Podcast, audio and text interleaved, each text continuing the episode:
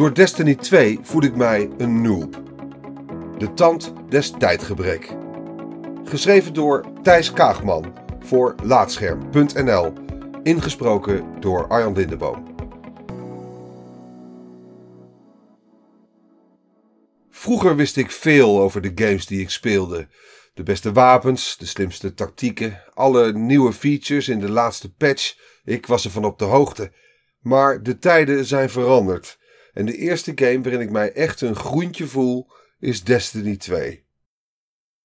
Zoals ik in mijn eerste artikel op Laatscherm al schreef, heb ik jarenlang vrij fanatiek World of Warcraft gespeeld. Ik wist daar altijd precies waar ik mee bezig was. Ik nam weken voor een nieuwe patch al de patch notes door en las dagelijks op fanblogs over alle facetten van het spel.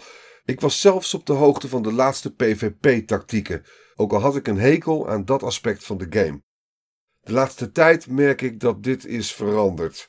Ik heb een fulltime baan buiten de game-industrie en zit er daardoor lang niet meer zo goed in als vroeger. Dat was helemaal prima, tot ik Destiny 2 ging spelen. Ik speel namelijk met vrienden die zonder uitzondering meer tijd hebben om te gamen dan ik, of in ieder geval meer tijd voor vrijmaken. Toen ik anderhalve week na release de verhaallijn van Destiny 2 had uitgespeeld, zaten mijn vrienden al op light level 290. Voor de mensen die geen Destiny spelen, nadat je het verhaal hebt uitgespeeld, wordt je voortgang bijgehouden in een light level, dat het gemiddelde is van de hoeveelheid light op je gear. Na het verhaal zal je light level zo rond de 220 liggen, waarna je stapje voor stapje betere gear gaat verzamelen om dit level omhoog te krijgen.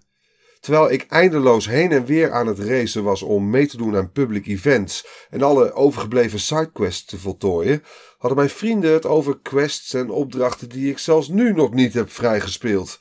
Inmiddels zijn we zo'n twee maanden verder en zit ik op light level 275. Dat is nog steeds 15 levels lager dan waar mijn vriendenclub al na anderhalve week zat. Er was voor hen al snel niet veel meer te doen, behalve zoeken naar specifieke wapens en upgrades.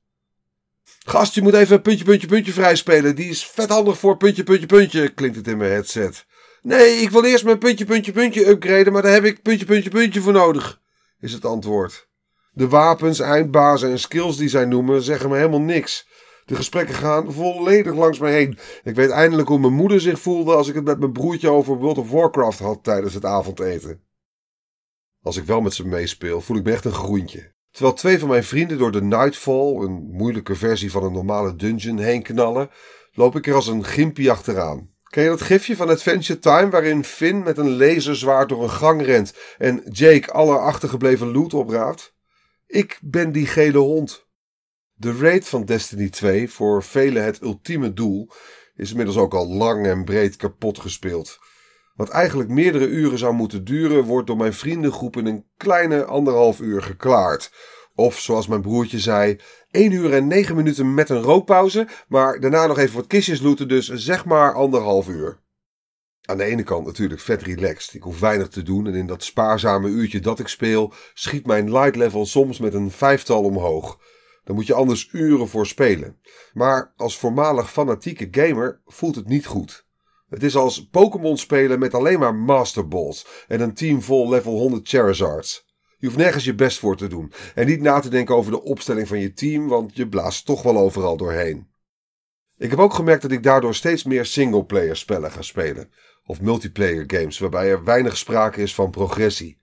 Zo hoef je niet dagelijks Overwatch te spelen om nog te kunnen genieten van een paar potjes tussendoor. Maar mijn favoriete games dit jaar zijn zonder twijfel singleplayer avonturen als Zelda Breath of the Wild en Super Mario Odyssey. Oké, bij die laatste verbleken mijn schamele 180 manen ook bij de 684 stuks die laatscherm collega Erwin al heeft gehaald. Maar die achterstand van dik 500 manen kan ik tenminste op mijn eigen tempo inhalen. Geef me een jaartje.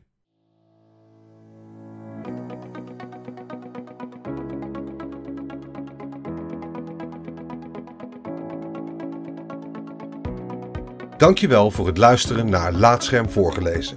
Als je waardeert wat we hier doen, dan zouden we het leuk vinden als je even een sterrenrating en een recensie achterlaat op Apple Podcasts of de podcastservice van jouw keuze. Abonneer je ook op onze andere podcast, Praatscherm. En ga voor deze en meer verhalen, geschreven of gesproken, naar laatscherm.nl.